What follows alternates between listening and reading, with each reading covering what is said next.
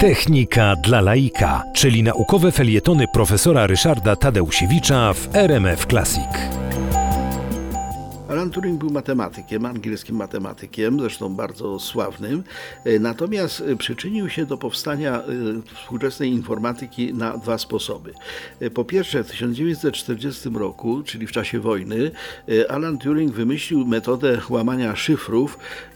Był takim głównym deszyfrantem w takim ośrodku, tajnym oczywiście ośrodku Bletchley Park i w tym Bletchley Park zbudowano według pomysłu Alana Turinga maszyny, które on sam nazywał bombami. W szczytowym momencie pracowało tych bomb tam 49 i to były maszyny, które rozszyfrowywały niemieckie komunikaty wojskowe, zwłaszcza te, które były kierowane do samolotów.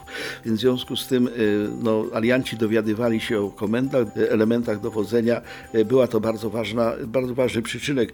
Mówi się, może to jest pewna przesada, że Alan Turing skrócił wojnę o przynajmniej dwa lata. Potem w 1945 roku, kiedy wojna się już skończyła, Alan Turing zaczął pracować w Londynie i wtedy na bazie swoich doświadczeń z tymi bombami do łamania szyfrów próbował zbudować coś, co nazwano Automatic Computing Engine, taką maszynę do automatycznych obliczeń. Ta maszyna nie została dokończona przez samego Alana Turinga, ale rzeczywiście to był taki praprototyp pierwszego komputera. Alan Turing opracował również teoretyczny model maszyny obliczającej, tak zwaną maszynę Turinga, do dzisiaj używaną i to jest model, do którego się odwołujemy w teorii. No i wreszcie w 1950 roku y, Alan Turing y, był y, autorem koncepcji takiego testu, który miał sprawdzać, czy maszyny są inteligentne, czy maszyna może myśleć. Test Turinga to jest też w tej chwili jeden z takich elementów fundamentalnych, jeżeli chodzi o sztuczną inteligencję. Było to wielkie osiągnięcie.